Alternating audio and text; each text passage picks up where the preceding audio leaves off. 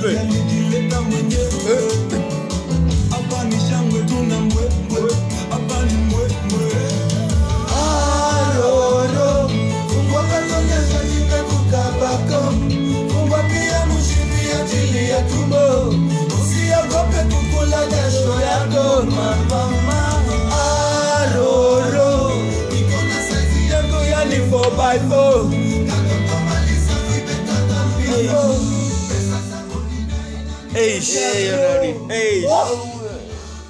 Eish. sauti soul making our day today manzee. sauti. Jasho yako. Roro. Fungwa betoni ya shatina 4x4 before. Yosharo Eish. Sauti Sol and Aaron Rimbui was just the perfect combination, guys.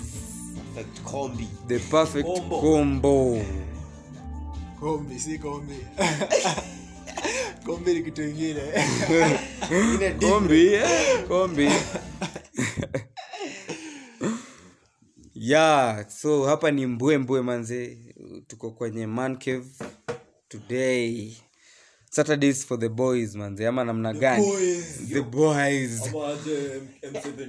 Yeah, Mr. M17 ako kwa nyumba. compromise Eh, na ako online mbaya mm? tuko na tuko na very amazing guys sawa tujiintroduce kuanzia kwa mr m17 tuende hivyo sawa uh, m17 bana amemua tumweke wa mwisho. So kwa Kama studio leo kama mheshimiwa. So studio leo ni yulu one, kwenye studio. So leo manze tuko na topic fulani moto. Alafu nadai hapo hivyo mwisho wa podcast hapo tukienda kumada tutawapatia a few ways. Zenye unaweza tu ingia na uunde do sahii sahii fiti waseni ajeni bana. Its been a minute. Ni ze z. Imperfect life coach himself hapa hivi.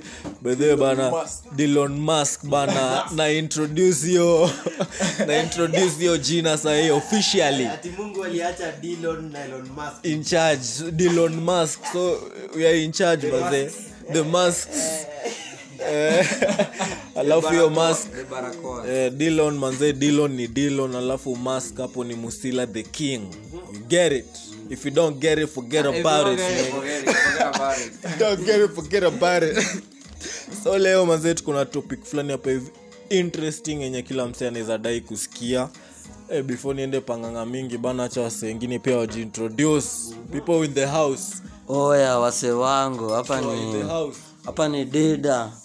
Leo tumekuja kubonga kitu moja serious. Venye tutaomoka tutoke kwa block. Bana.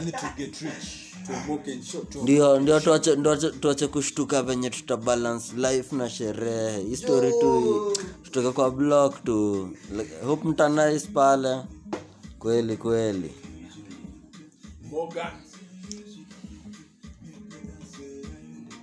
oh yeah. This is morgan bana. Leo tunaongelea pesa. Pesa bana. Sabuni ya roho. Ha? ka, Kau uko na pesa uko na something kusema about pesa.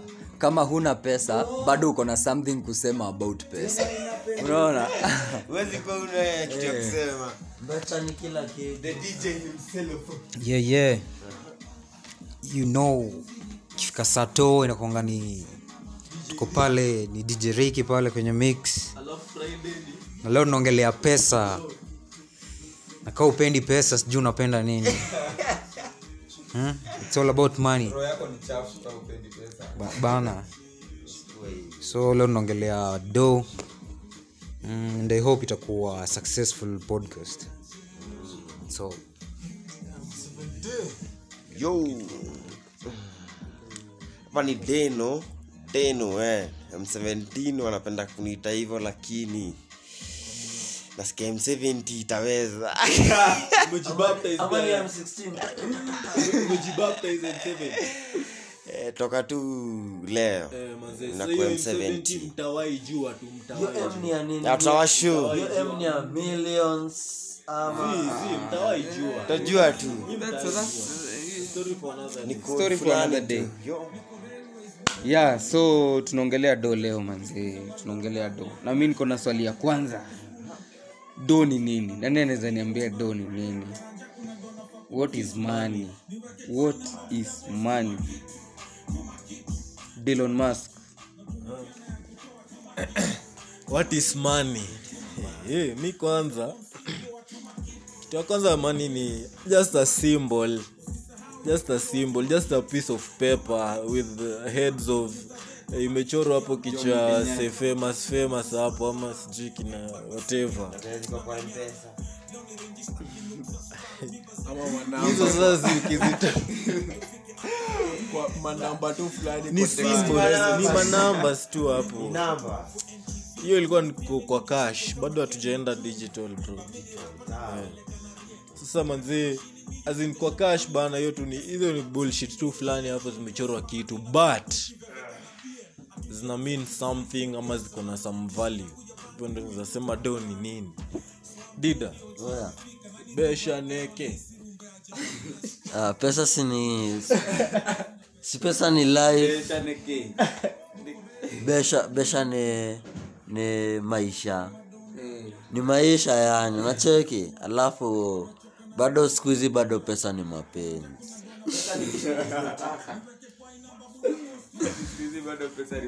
Sindio pesa bado ni mapenzi. Ama mapenzi ya siku hizi pia ni pesa. Nacheki pesa ni vitu mingi. Pesa ina, pesa pesa ndo inakutoga kwa shimo.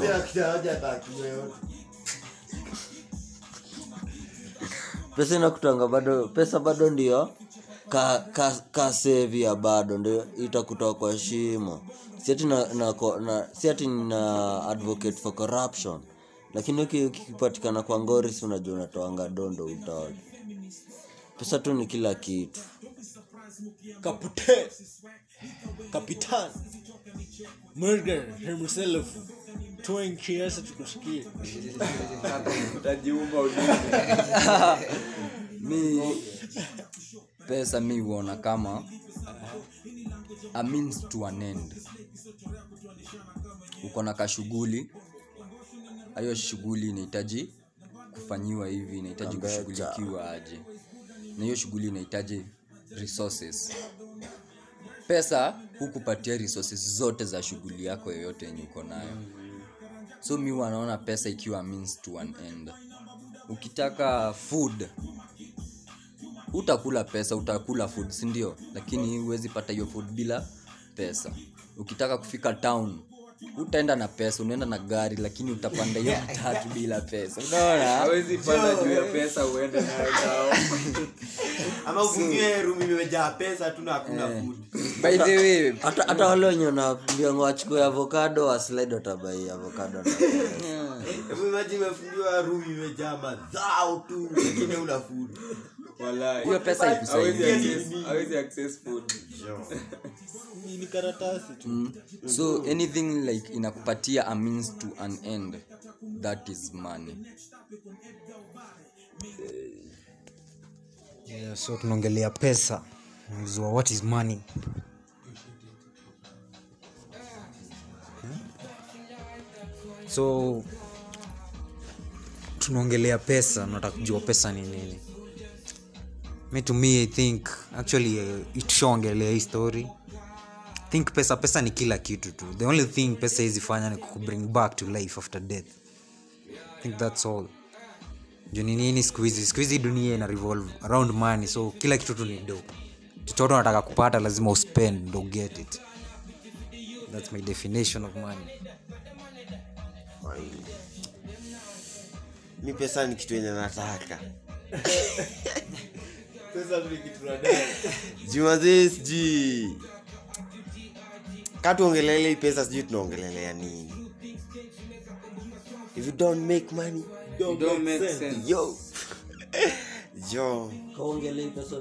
tunaongelelea nini? Eh, pongi, eh.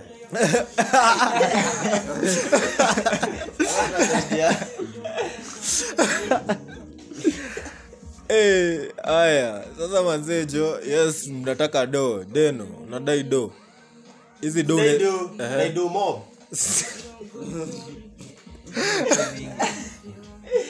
sawa sawa so hizi do ways ni gani zenye unaweza zipata wewe Juu unazi- unajua wezi sema tu unadai do hizi hizi shuka hizi land Kweli, tu. kweli. Ehe. tuambie hizo ways zenye unaweza wai do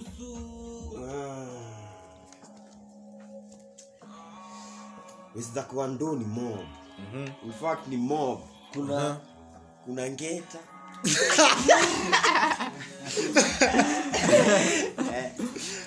Au unanunua hiyo m16 revolver. Za- Ah, unasema tu venye hizo ni mob lakini. mob saa ni variety.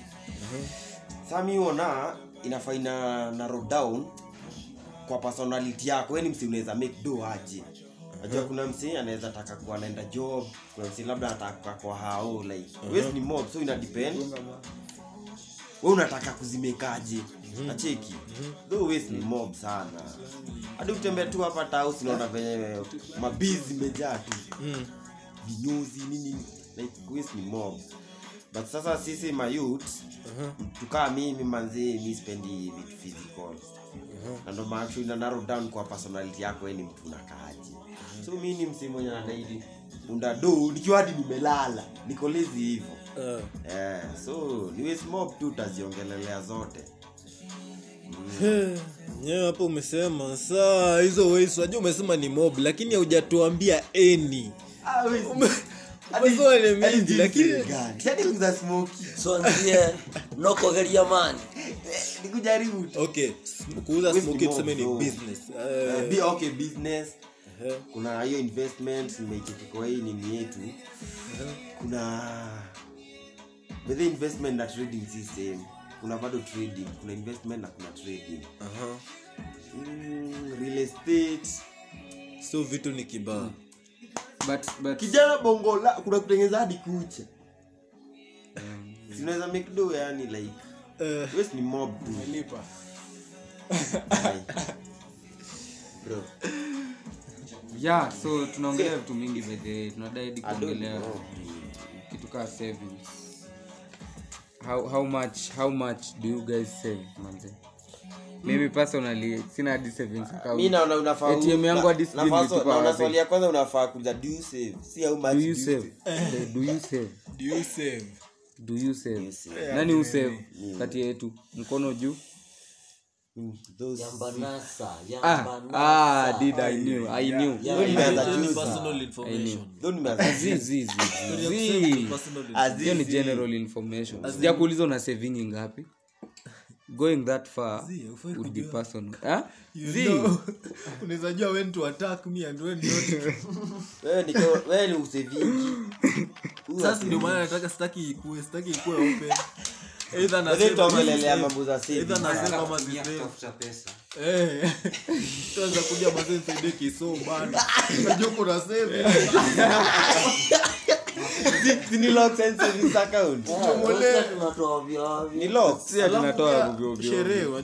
Ah, Hakuna.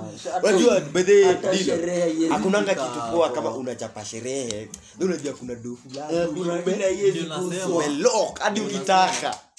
Hata- ukisota leo inatoka kesho wajua mtu kaa mimi mi niko na little bit of na- naweza onea msee huruma. So tunaweza sema tuko tumeenda sherehe sindio Eh, umezilock. umeza exit right si utazi fulani. withdraw zitakaa 48 hours. ukilock- ukilock inatoka na siku jaa ka 24mi najua 48 imeisha. 48 hours. within 24 agency imeisha Sio una set unaanza- target yako. Eh, sasa lakini siitakaa bado Eh, mimi sitaizuia kutoka. mtaiacha Oh, sasa ikikamu kwani kwani ukisevu kuwa na goal? Maisha bila goals hakuna kitu unafanya. Sawa. ni savings tunaongelea. Nilikuwa nataka tu tukuwe na sides mbili. Nilijua hizi nugu ni mafans mbaya. Lazima tungeona Oh, saving?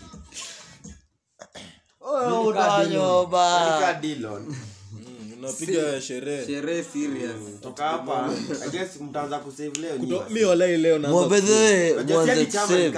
lakini bado inasemekananga eh, kusave haitakufanya kuwa wealthy. Lazima usave na uinvest unacheki Kweli. kuinvest Save nayo bana nayo. bana kuinvest nayo. kusave actually ni kupostpone usage. una postpone kutumia hizo utaitumia tu lakini unatulia tu lakini bado itakuokolea juu ukiendelea kusave si hapo ukisave do fiti sinazanzia bizna hiyo Mm, so hizo investments. Investment ni kama nini deno kuna long term na short term. Hiyo ndo Eh, mbili eh. na maana kuna trading na kuna investment. Trading ni short term investment ni long term uki ukichukua trading ni pesa ya teketeke. Ne sahi sahi though the moment ushakuwa trader with time utasikia tu kuinvest. Yani hebu imagine unaingia position leo utatoka next year. Nadhani hiyo position itakuwa na pesa kidogo. Like hapo mm. umeinvest big time. Hapo umeinvest. Hiyo ndo difference. Sa trading itaingia hii spike hiyo kani nitwe eh niende mabatini Eh. So like investing ni long term trading ni short term. Na advocate nice. na advocate uzisink zote mbili. Uzimach una trade na una invest. True.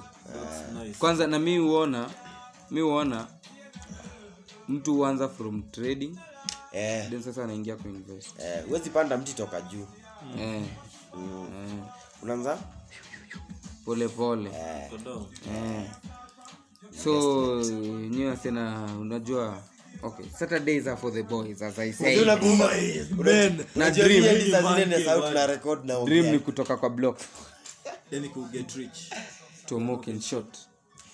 You? Hiyo ndo dream manzi hiyo ndo hiyo ndo kilala. that's the end goal. When you sleep unafikiria do Hey, jo. Msanii kama mimi siwezi tesa bila pesa bwana. siwezi siwezi. Siwezi ingia studio nitese. Bana mika Elon Musk siwezi tembea.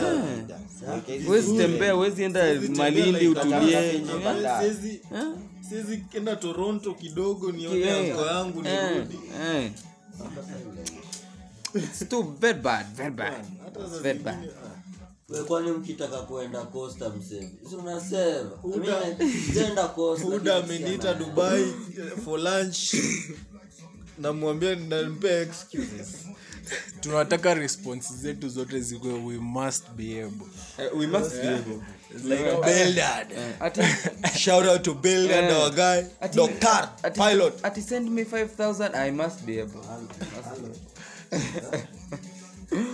I want to be I want to be the rich uncle. I want to be that rich uncle mwenye eh, manefi wangu akikutana na mimi wanasema hey. rich uncle bana?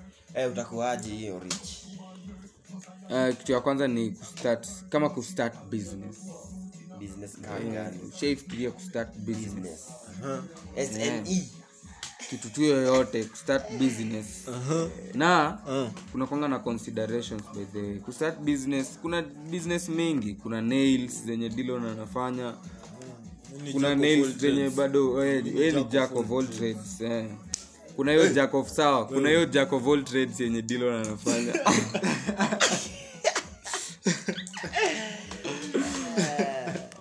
alafu kuna dj pale kuna kuna kazi hiyo ni vitu zote Kuna ni fundi hapa in the business. house. eh, kuna fundi. Fundi. Mm. na kwanza javi kwanza wa nini kwanza javi delivery.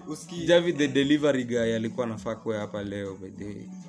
Javi Hey, javi tutamnyorosha viboko. Ah jamaa. sasa kuna vitu za kuconsider ukianzisha biz mabro eh, profitability ndio ya kwanza. Profitability.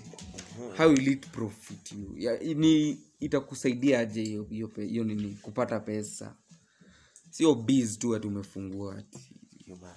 Umefungua nail, nail socha nail socha umefungua nail socha na watu huenda shamba unasikia umefungua nail socha na watu huenda shamba. Nika- ocha kwetu Bro, kuna fulani ameseti hapo hivo ananiambianga business is bad. Very bad. Very bad. So profitability itaku, itakusaidiaje itakusaidiaje kuunda do more money si do tu. Use money to Dom- get money. use money to get money. Umaitumia do kuget do m17 sivyo ndivyo nafanyanga na ili, ulipata do ama ulikuwa disappointed?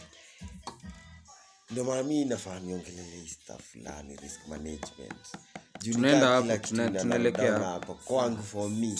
Tunaelekea hapo. management ndo the shit. kitu ya pili ni capital manze. Uko na pesa ngapi kwanza hiyo Wa pesa ngapi? Uko na pesa ngapi? Kama ni viatu unataka kuuzia watu uko na pesa ngapi za kuchukua stock?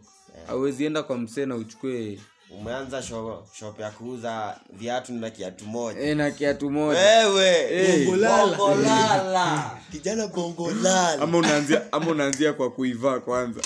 Saione atio kiatu ni kali uko na ngapi buda capital wale wenye tunaona Eh. pale kuma motivational speak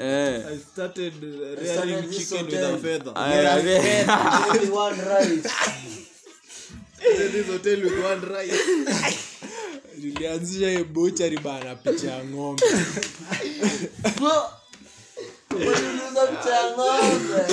hey, bana.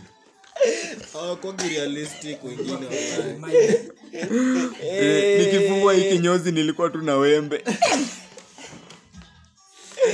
Eh, ule ichekile sta fulani trump alikuwa asema ati, ati, ati anko yangu walinipea small loan. Eh, ati ati- small 100 million. 100 king of pants amengoja mmalize bana ndio aongee walai Ah. king of pants ni morgan mwenye anyway. Tunaongelea pesa tunaongelea tunaongelea pesa manzi na dream ni kutoka kwa block we are getting to the 25th minute na i'm requesting a break. Sindio? Tutake a break. What is a break? Hebu say break. please, please teacher may i go out? Eh? mayai May- please teacher may i go out? I Wala, please hear the- mayai. the high- the the raima days manze Mamondo alikuwa na utiaji Mayai. man. ana- anakazia kwenda choo mayai but before tuendeo break nataka nimalizie hizo mastori kwanza. Eh, kuna skill. Kuna skill pia. Skill ni requirement ingine. Eh, kuna personality. Eh, nimesikia dilon mahali before we started this podcast akisema our personality inclines us towards business, certain businesses. Eh, like if you are eh, and, and, and i think from hiyo nini yenye tuli tuli yenye dilo na attend na akatuletea hiyo knowledge. Kaa hukusikiza podcast ya last Aha. bongolala. bongo lala Wewe huko bongolala. Kimbia huko.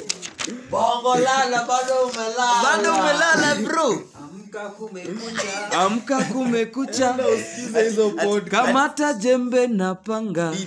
We unarauka si tumekesha we we ndo unarauka. Si tumekesha. Kesho. Unaamka na nimetengeneza mia So- acha so hiyo story ya personalities uh, ni so unajua si we are all about your mental states ndio? Podcast yetu. So hiyo ni kitu kwanza kii sana juu watu wengi wa consider hii kitu. Wezienda tuanze base kama you're no good at people. Juu pia wewe you're part of the investment sindio especially kaa ni business utakuwa una run wewe mwenyewe we ni part hiyo investment. So pia unafaa ujiassess vile una assess hiyo business opportunity. Pia unafaa ujaweka kwa table ujipime. Naweza do nini? Niko na skill gani? Am i good with good people? am i good with people ama siwezi deal na wasee poa? Ni bongo lala. Ama mi ni awe ni bongolala. bongo lala. Ni bongo haya kitu ingine kitu ingine ni legal requirement.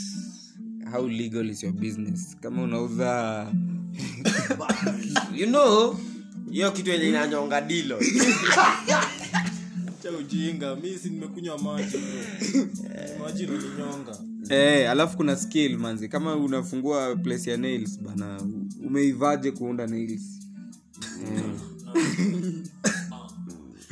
so acha tuende yo break manze we will be back soon. Yani See- Ah, see- see you on the other side of the break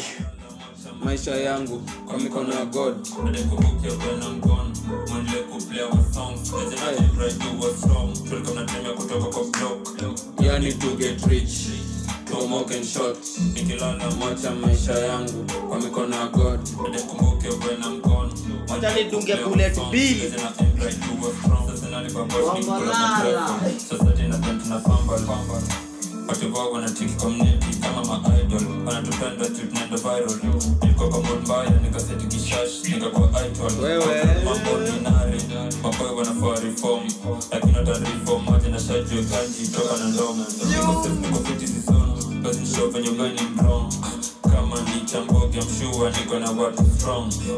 Nataka kwa mpole man. Yo ama utapangwa pressure kwa stick na mkono huko east ama tamangwa pereka huko kitani tajali au talambwa mkono zimetete sauti yangu nikaa imefunguka na nashuku ni juu ya Tomoken shot nikilala macha maisha yangu kwa mikono ya god. Adekukupiga na mkono mwendele kuplay wa songs lazima embrace do what's wrong tulikuwa tunatembea kutoka kwa block.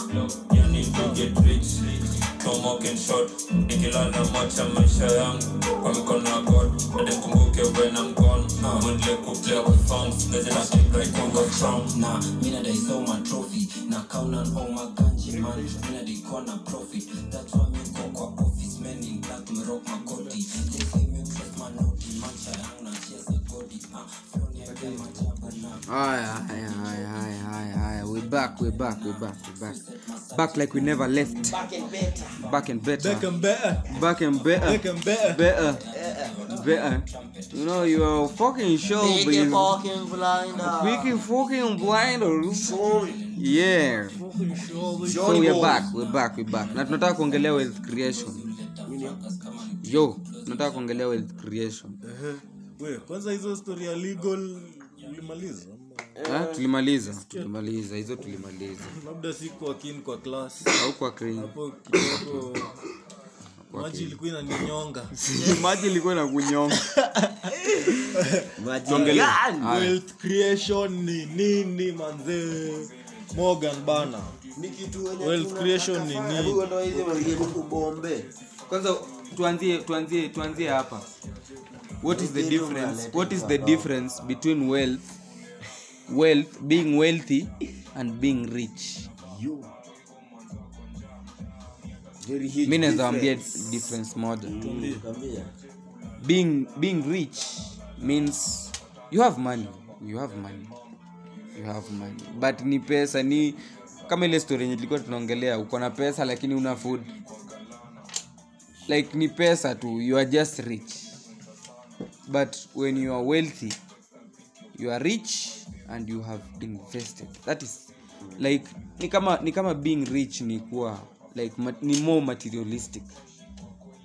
Eh, ni more materialistic uko rich. But when you are wealthy you have a plan that will last like being rich last lasts ni ina last for a, for a short time eh, leo si utapata thao kumi labda. Eh, na hiyo thao kumi itaisha, itaisha lini? Wealth ni hiyo thao kumi unaipata umeweka mahali in two weeks inakuletea thao mbao in three weeks sio in two weeks umeshaikunywa ishaisha. Eh, so that's the major difference. The Major difference. so tuendelee na hiyo hey, kijana kijana. uko niko na difference ingine. uko na karibu mia tatu. Zaidi ya mia moja.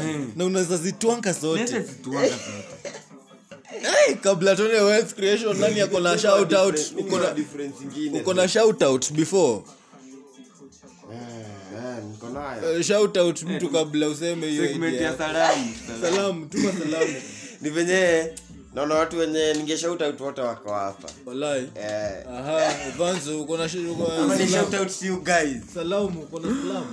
mimi niko na salamu. Au niko na shout out kwanza. Eh, kesho kesho. Kwani kesho. ni kesho kesho. Eh, ni kesho. Kesho. Kesho kesho kesho nviri the eh, kesho nviri the storyteller. Unafaa kuwa unasema leo. Podcast na drop leni kesho. Kesho. Eh. so leo. Ama useme exact dates. Sema leo. November date na si siko siko fiti na dates bana. Leo ni november date 7 yeah, date 7 nviri the storyteller atakuwa tao manzi na mshout out huo ndo na mshout out wa kwanza. Mtu wa pili na shout out i think ni shoshi yangu. No one else shoshi yangu. Shosho Evanso. shosho shosho yangu. Yo yo. Mi kama kawaida na shout out watu- yote ya nyumbani. Eh, kule ingo. Kuna podcast yenye Michael alikuwa hapa Eh, na shout out watu wa ingo na naambia mkae vizuri ili mradi.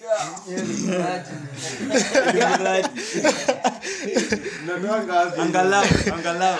Ili mradi tupate tonge tonge la tonge la pesa. ili mradi tupate maudhui ya kuongea. Angalau disemba kwenye muktadha. Joshua Joshua. Eh? unatuma salamu wapi? Eh, nataka kupiga big shout out to Sally.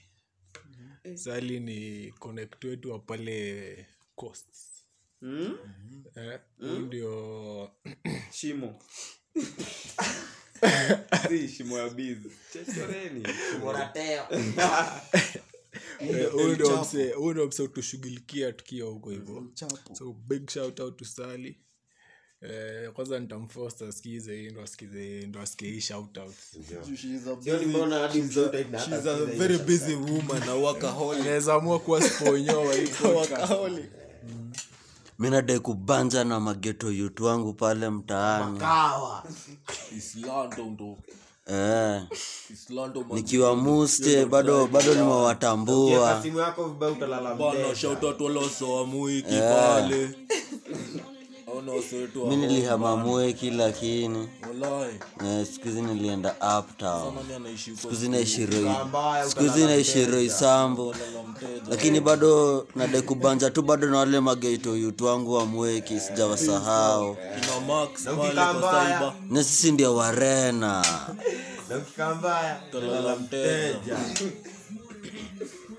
Kwani ni kesho bongo lala bongo lala bado umelala. Saa ngapi?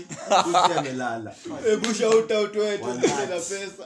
Bado amelala. bado umelala watati dida ashatengeneza ruabi Ah, Morgan ni- Morgan ni kama ana shout out.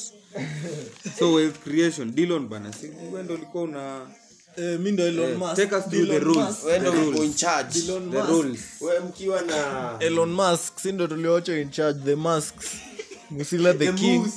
musila the king. Enyenyi ndo mliachwa in charge hadi bado tunavaa mask za, za eh manze amna amna otherwise. Sawa. Wealth creation manze. Sa mi nitaeleza wealth creation nika ile kitu yenye buda eh, si buda yangu azin bro wangu mbigi anafanya. Wealth creation ni the ability to multiply resources unasikia? Hiyo ndo kuwa wealthy bro kunyonyea tu hapo kwa kitu moja. Hiyo ni rich. Lakini eh, bado kuna difference. Kuwa rich uko na pesa. Eh. kuwa wealthy uko na pesa na uko na na time ya multi pesa. na uko na time bro. Eh. yeah. unajua bedhe kuna wasi rich na ana time ya huyo ako rich tu. Uh, so rules manze. Rule number one ya wealth creation ni take responsibility then una take responsibility wewe kwa wealth creation yako wow. mi niko. Huko una- unamaanisha nini? sijui kaa nafanya hivyo. That is that is also personal information. Kijana. Sio ndio ulikuwa na shout out hapa kijana bongo lala. Tena. Nataka tu hiyo bongo lala ma- and otherwise eh. Dida we najua una take responsibility mbaya. Au sio? Eh, hapo ngumu. Hapo pa kutake responsibility ni ngumu. Ah. kuna kitu kila mtu ako na pombe. Sawa. kuongelea hiyo story ya sherehe hiyo hiyo inatupeleka kwa rule number two ya wealth creation inasema aje? Spend less money than you earn. Tumia doo kidogo kuliko yenye unapokea jameni. Usiende ubai gilbis mzinga saba na wewe. Salari yako ni ya cromjin nunua tu hiyo cruise amafikia kwa lilo. Usipambane kwenda usipambane kwenda mombasa na unaweza ingia mabatini Walai. yako moja furahie ufurahie. Ufurahie. Sasa manzere hiyo story ya spend less money than you earn inatupeleka kwa rule number three of which ni leo ni kutupeleka tu. Roller coaster bro. Morgan can you say roller coaster? Hii squid game unakufa Ati- ati three times. Roller coaster roller coaster. Roller coaster. Makofi makofi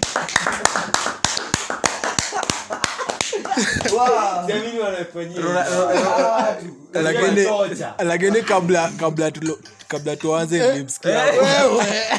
kabla kabla tuanze. ameleta UK ya ukambani hapa. Tuanze nilisikia Morgan hapo nje alikuwa na prako Hiyo time nilikuwa kwa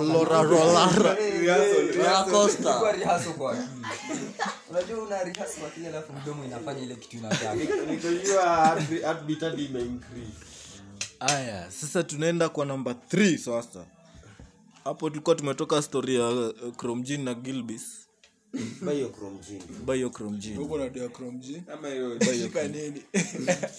Kwanza ka uko na doa cromjin mzinga unafaa ubai cromjin quota Kweli. kwani utakula nini kesho? Bana. Kuna rule fulani nilisikia. If you can't afford to buy it twice you can't afford it. you can't afford it. Kama uwezi nunua mara mbili uwezi afford. Kama ni nguo kama uwezi nunua hiyo nguo mara mbili uwezi afford. Kama uwezi nunua hiyo nyumba mara mbili uwezi afford. Kama uwezi nunua hiyo food mara mbili uwezi afford ka uwezi nunua hiyo gari mara mbili uwezi afford. Una imagine uko na 1 million by gari ya 1 million then zimeisha zote uko zile za gaina za mafuta ziko. Gai. hata zina za mafuta. Wallahi. unafaa ununue gari ya 1 million kwa 2 million. So ka unadai kubae gari ya mbili kama mbili target kuwa na milka ka? Nne. Tano. Mm, si ati umeangukia hapo hivo 800 umekopa 100 ati ndio ubai uadisie ubai ndai bana. Hiyo si form. alafu utumie alafu utumie 5000 kuji- kuweka mafuta juu uko na pesa hiyo time. Uenjoy hiyo mafuta ikiisha sasa. Nashangaa itakuwa aje. Urudi kwa mauta sawa. Hiyo rule number 3 hapo bana naingia no what puts money in your pocket. And the converse. Ama inasemwaje converse jua kitu inaingiza do kwa mfuko wako na kitu inachomoa. Hiyo ndo na believe. Sherehe ndo inachomoa. Na kuna yenye inaingiza. So the goal ni kumultiply hizi zenye zinaingiza kwa mfuko. Zikuwe mingi. hiyo ndo kuwa wealthy bro. Hiyo ndo rule ya wealth creation. Four. Deno. Evanso nadhani nyi ndo mtateka us through that one. Eh, endeleni Wasee, toeni man, idea wasee, zenyu toeni idea zenyu do not do not kindly. Kindly. Do not borrow money to consume. Manze unaombaje pesa ati bank bana umeomba loni ya 100k peleke dem dates. ufanye harusi. Uende uleweshe msichana na inaitwanga jege- jegema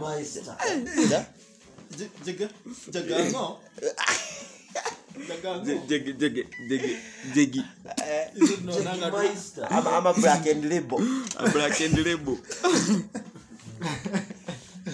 ama, jag black black and rainbow.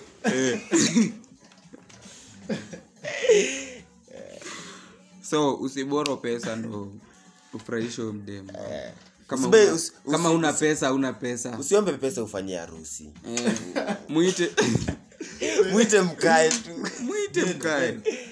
Muikala- mwikaranie. Eh. Uikaranie. umayomba pesa uspoil msupa Eh, Eh. Ah, ama. Ni mspoil ama. Lakini egesi iko past me sasa.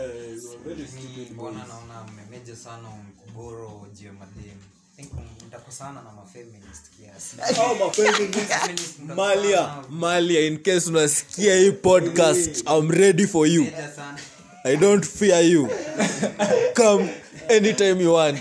I invite you to this podcast. Na unistui nitish. As in hii age yetu vitu zenye zinatukula do sahii tuseme tu kweli ni so tunasema vitu zenye si tunajua sema pia na mara- marafiki ni mtu mwingine unapenda unaonanga kuna wako social class fulani. Zile unatamani kuishi kama hao natamani kuishi ka soshi nafika point unajipata msanii lirikali Mm, unapata msee ako kitu kaa msee mbele nyuma kona kitukaa kitu kaa ruabe peke yake kwa mfuko sindio saa kutana nao ma- hawa wasee saa ntakuonyesha pia nakwanga ule msee unamchezea tu kiasi. Bazusu chezekaa wewe. Ana sacrifice anatoa hii mia mbili yake yote anaenda na wabaia kakuota. Hmm? anabaki zero bila kitu. Zinata kuspend before spend pesa yako yani inafaa tu ufikirie mara mbili. Unajiangalia lazima umake sure umebaki pia wena yako. Yenye unaweza kula kesho na yenye itakusaidia future pia. Eh? As in, in short unafaa kuwa umesave yako kiasi ile unabaki nayo. So tuseme hata kwa hiyo hata unaweza unawashikia. Unawatolea hata chwani peke yake sindio hmm? hiyo chwani peke yake, unabaki na wanchwani si ati una, una spend yote unabaki bila correct, correct, Fine, correct, fine. correct, correct. so deno ulikubali uli- ulikuwa bongolala nilikuwa kijana bongolala amka amka bana. Niliamka. ulishaamka? Sawa sawa hii namshana sawa. sasa. Tulikuwa namba ngapi? Tulikuwa namba ngapi? Tulikuwa namba tano. Tumefika namba tano tano. sahii sindio multiply your resources. Usipate hiyo dona userereke. Tafuta mahali weka eh, tafuta mahali invest eh. Hii tunaongelesha wasi wenye washa invest unacheki. Ezinu kuna hiyo hoteli moja inakuingizia kaa manzee hata tauso mm. manzee unafaa kuwa unafikiria vile utaongeza ingine kama kama mimi sasa the best way. hiyo ni kuavoid kuwa na one source of income. Yeah. inafaa udiversi such that shit kihappen yako. Eh, mimi sasa the best way naona nitainvest ni kununua instruments karibu mia tatu. Karibu mia tatu. unauchezi karibu Eh, na nicheze karibu ya zote. kwa nyumba ya kifahari. Sasa ya risk naona huyu jamaa tuambie risk management huyu. Eh, risk management ndo the shit. Kwa hii topic tu tu do. Hatujamaliza. As hiyo inaingiana na hiyo risk hiyo oh. tuko hiyo ilikuwa ni number 5 keep the right company. Hey, risk management ni know. unajua risk manage mi najua kila kitu ni riski in fact kuna msei husema it got risky the moment you were born. It's all risky like, nawezi fanya shit about it. Au ni mnoma bro ni mnoma jimron by the way asiskizeni jimron si hata mtu aitafute hapa ati anasemanga ati what did, what did the cow tell the tell the farmer on the cold winter morning? Thanks for the warm hand. Jimron like mm-hmm. juu kila kitu tu ni riski kitu tu wenye unaweza fanya ni kuimanage tu like. Hadi kwa hiyo bs mm, unaweza fungua hiyo bs ukosema customer. Acheki. Like saa unafaa. So like saa mi nafanya trading sana sana najua position size yangu yenye nafaa niingie na hiyo position size na ita- ni- nitainika hizi do. Like mi kuna pesa siwezi itikia kulose atago. Acheki. Like nimeji nimejiwekea hizo standards. Like nikipoteza hizi do fulani I'm off for the day. Ni- hivyo hivo ajua. Hakuna kitu mbaya kaa kuchukua los kubwa. Na ungeavoid hiyo los kubwa na kuchukua hii los ndogo. Unacheki hakuna bedhi kitu unaweza hadi unaweza sikia kuacha tu na hiyo staff. Unajua ukiwa newbie unaingia hapo tu lot size kubwa au manage risk yako. Na get. Juu ju bedhi pale unaweza uma nje. Nje. But sasa hizo mara zenye utauma ndani hizo kadhaa. Ache unaweza uma- tuseme umechukua positions tano in a day. Sindio hata tatu zikiuma nje hizi mbili ziume ndani hizi mbili zimeuma ndani zimecompensate zile tatu. Juu tu hizi tatu zilikuwa tudogo. Unaelewa? But sasa hizi mbili ni mbili big. Nacheki so risk management risk management hadi sijui naweza sema okay wacha ni translate. In short hata kaa unadai kuanzisha biz unataka kuanza kuuza mayai smoki na tuseme kuna do yenye inahitajika usiingie all in. Umeanza biz ati unafungua biz kesho na mfuko uko zero. Make sure in case hata kesho kila kitu iende wrong you can live to fight another day. Aujarudi yani uko tu. If you can't, if you can't uh, afford putting that business twice you can't afford that you business. can't afford that business. hey, kama kama inataka investment ya 20k juu vitu happen by the alafu vitu zingine pia kuna wasee kuna wasee kama wase waanza kujenga wase wanaingia real estate waanza kujenga kigorofa. Hebu tusikie jimbron Some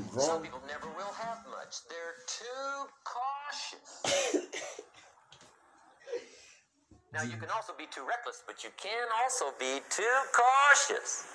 This is called the timid approach to life. And my caution was always the risk. Risk used to drive me right up the wall. I used to say, what if this happens? It's called the language of the poor. What if this happens? And on top of that, if this was to happen, look at the fix I'd be in. I better not try. I could always ace myself out. Then I'll tell you what changed my whole life when I finally discovered it's all risky. The minute you were born, it got risky. If you think trying is risky, wait till they hand you the bill for not trying. If you think investing is risky, wait till you get the tab for not investing. See, it's all risky. Getting married is risky. Having children is risky. Going into business is risky. Investing your money is risky. It's all risky. I'll tell you how risky life is. You're not going to get out alive. That's risky. ile anakumotivate na mm, tutawekea link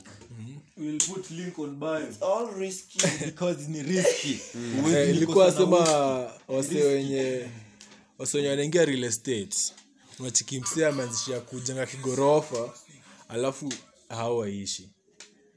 Ni juu manzee angefaa kuwa juu vitu happen extra cost tokea so unafaa umake sure. Kama uwezi fanya hiyo kitu mara mbili ilikuwa tusema kuwezi du mara mbili usianze.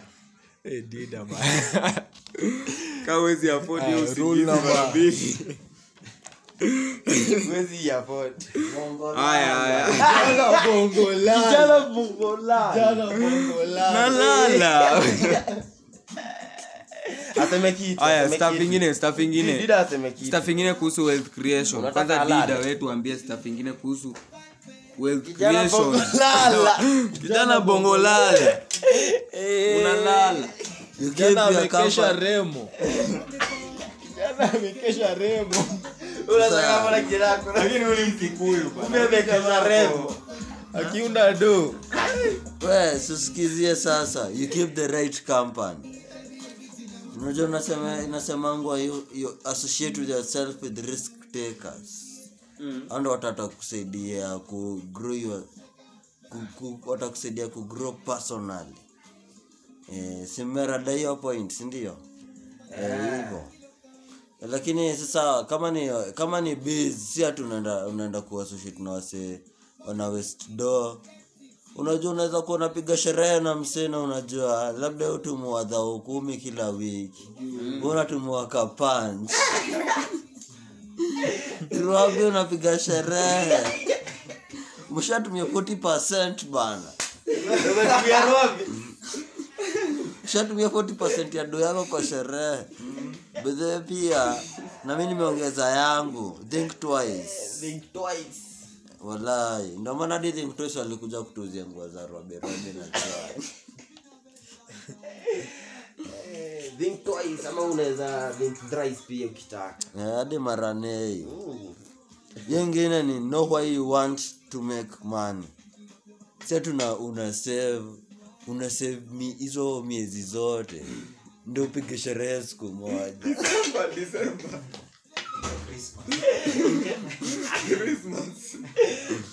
umesave mwaka mzima. bana. Eh, bro. ati festive season. Are you deranged? Bongo lala. Amka jo. so umesikia hiyo story? Mjua mbona una make do? Ka una, una save do by the way ama unadekwa kufungwa biz? Yuko your primary goal. Isichenji hapo katikati juu pia mabeshto anaweza kuchocha mbaya sana. Eh eh manze msave bana. Malifeist ka mimi. Tunaanza kusave this month kesho. Aya sasa wase wase besides hiyo kusave. cash flow cash flow cash flow wase unafaa kwa si ati uko na pesa. Uko na pesa umesota the next week. Unafaa kuwa na do uko na do wiki next week uko na do. Next week kuna Kila wakati zingine kuna- unategea pending. eh Kila time uko na pending. uko na pending. Naona. eh pending payments. Pending payments. Tutaambia pia mafans wa wachangamke remo wala alafu tutawarifaa we mkuja mkidai unanipitia pale atmosnderito ig na utufolo pia sisi the, the kuonyeshe venye utaanza eh, kwanza blog hii pesa lazima itakuwa moto lazima itakuwa moto. Tuko kila mahali wase tuko kila mahali. E, kitu ingine manze it's not all about you. Saa zingine piga sherehe na wasee itisha ita mabro mm, grill mbuzi. Kwani ni kesho? Kwani ni shop? Ai. bana. Eh. Tulikuwa tu- tumeamua tutapika nyama siku moja. Hii disemba inafaa tu grill mbuzi. Ama unaonaje deno? Eh, jo. pesa hakuna inafaa tu grill mbuzi unye manzede bana. wase waremo changamkini mkini. Tu- kwanza dida dida ushafika bei ya mbuzi. Wewe nunua spices. twende tubai mambuzi samburu walai Eh. tunaweza changamka si wote Eh. tunakula mbuzi hadi dini eh, so touch live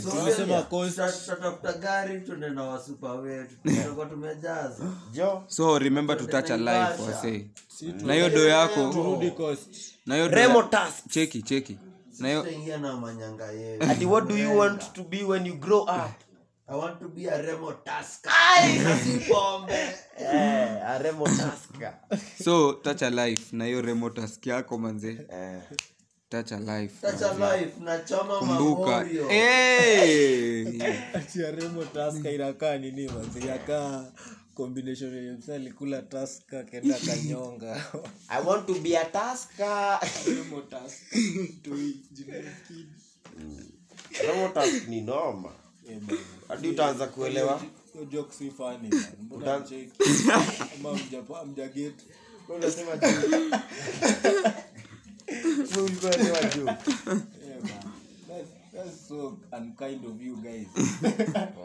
alafu jua business trends Don't be a tasker. i want to be a tasker. No. Aya. pombe. I want to be a tasker. wase nadai nadai tumali nadai tumalizie na saving scheme. Nyi wase ilikuwa tulikuwa tuongelea hiyo story ya chama sako chama. whatever insurance eh, table banking but tutaziongelea nataka tu tuzi like to kwanza kwanza mi, mi nafil aje? Nafil bana hii history ya do inafaa ikuwe series walai azin hatuwezi maliza story ya do leo. 40 bob daily ama? Hadi tupige next weekend Uh, maybe tubongee hizi stori za do bado lakini kutoka kwa perspective zingine. maybe tunaweza invite businessmen kama javis kuja tubonge hapo. Hivi As ni kitu diverse mbaya. Si kitu yenye si kitu yenye tunaweza mada teketeke. Chairman atatuambia sawa sawa so so mmesema lakini inafaa tu consider. That, that, that was my point actually. Inafaa tu consider ku get into such ventures. Circles manze. Ah, ah. kuna circles zenye kuna circles zenye najua like kama ya high school yangu. Kuna hiyo sako hadi imeanza kuinvest in real estate manze sasa mi sija join but niko kwa hiyo group ya wase. So lakini wamemake wamemake do wako na assets kadhaa. So we should consider we should consider getting into circles. Kwa the safe house sako. Eh namkujia the safe house sako manzi mjoin Tunaenda ku- tunaenda the world. Yeah, we are gonna conquer the world. Twaja twaja anyway thanks for listening in manze. Mayouth fulani wenye kotuni sijui huko said za central tu huko manyeri. Walianza tu hivyo walifomiki ki, kitu kama hivyo ki- kisako hivi kigrup hivi kichama kiao usikia wase hadi wanapeana lon za mamita siku hizi. Walianza tu hivyo kimchezo mchezo. Mchezo. Iko na mchezo iko yo. Thanks for listening in manze. Tuna tuna we are winding it up. We, we have just come to realize that issues money cannot be talked about in one hour. mm. topic yeah it's very wide. Pesa it's extra wide manze. But all the same the message is the same manze. Dream ni kutoka kwa block. Yani tuomoka na if don't make money. You don't make sense bros. the nini the kitu ya kunail hapo hivyo juu manze. Mi naweza sema bana despite ni unadai kumake do lazima ukuwe na vitu kaa discipline kitu ya kwanza. Mm. Inafaa u work smart ama sijui tukimaliza hii podcast Watu wa- walai watu wa nini? Watu wa wenye wataki eh, kutumia vitu na nguvu vitu za nguvu kaa dena wana work smart pale programa pale. Alafu watu wenye wanataka kuheavy weight hapo hivyo kulift au wanaweza work hard. Wasanii wasanii. Mm. yeah kuwa na discipline umesikia? Usipige- usipige sherehe kesho na leo na kesho kama una pesa ya kukunywa. Kama uko nayo tunakualau lakini kama una koja ulale koja ulale. Kama hauna bongo lala. Bongo lala wewe utaki anyway thanks manze. That was our time. And i believe we've had a good time. Kuongelea pesa ni kitu ingine mzuri. Na feel hata rich already Nimesoma places mingi bana tikukua kukuwa rich lazima ukue rich kwa akili kwanza. Mi by the way, mi sina do lakini mi niko rich kiakili mentality. You have a rich mentality. a well- hey, wealthy. ulishaomoka kitambo kwa akili. ai. Unafaa convert tu hiyo mi sahi mentality. to be niko- rich pesa. you, you have to Mi you have to act rich in fact. Mi sahi niko canada mimi mm. Kesho nda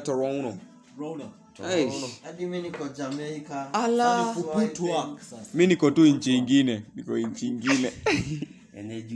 Nikiomoka zaidi nafuata Elon Musk naenda Mars.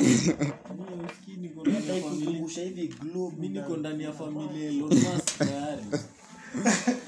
anyway anyway kwa hayo machache kwa hayo machache. Mengi na manze eh, kwa hayo mengi na machache. We beg to we beg to leave you. To leave you and uh, with this thought with this thought i beg to leave we pia unafikiria kutoka kwa blo kama ama umelala. Vile sisi ama umelala. Kama umelala manzee amka eh.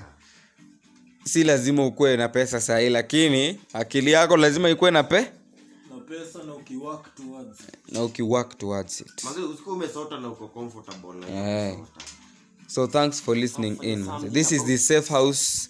Hizi podcast zetu in case unasikia hii mahali kwa kinyozi kwa ba kwa mama mboga kwa ng'ang'o.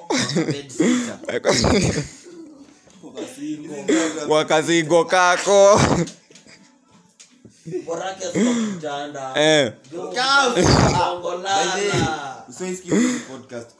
usisikize ukiwa kwa kitanda. So hizi zetu zina kwa kitanda. Eh. Yani, yani, in case, in case, in case umesikia hizi podcast ama umesikia hii specifically kuna kumi na moja zenye zimekupita. So changamka changamka.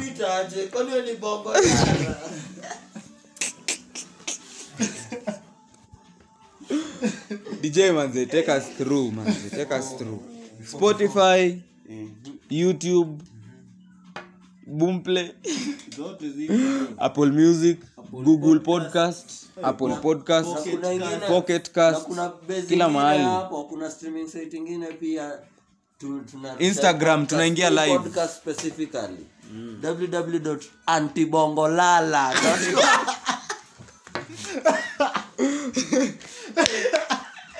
si tuko allergic to tumalizie pia na rap. Ah, si rap. kumalizia tunamalizia nasema manzee pia msiwote mse wote anasikiza.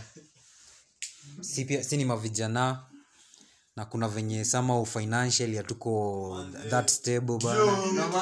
So, hapa chini I, I think, I think, I think, I think sa chini ya hii podcast hapa tuteka kinamba hivi. Next time tutawekea paybill if possible. Ka- kako na kidonation hivi at least. unaweza tuma kitu. so kone, ukaa uko na kakitu unaweza tu unaweza tuma. Mm-hmm. na by that tunamaliza na ngoma ya calligraph. Tuma kitu. lakini meanwhile unaweza unaweza tuma kwa 548 tuma kitu tuma kitu. Sema sema tu. 508 5221 na alafu useme nini? Useme nini ya nani waandike hapo. Eh useme waseme mba- umenunulia eh, uso and so mkate ya 50 bob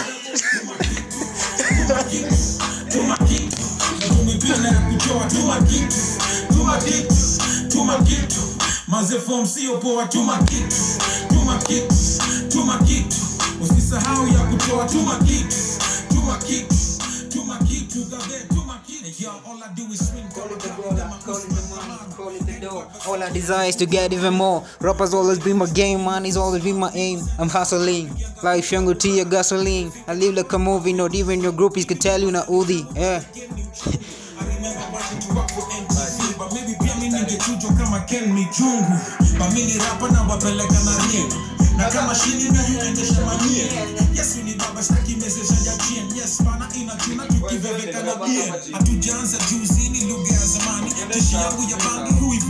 hadharani swambini oji amefika nani rumba kayole isi rumba ya japani let's go. Kombosho ni rwabe mbele nyuma na bado nafani fikironga niko railways buda nimenuna. Najaribu kusikiza madonda.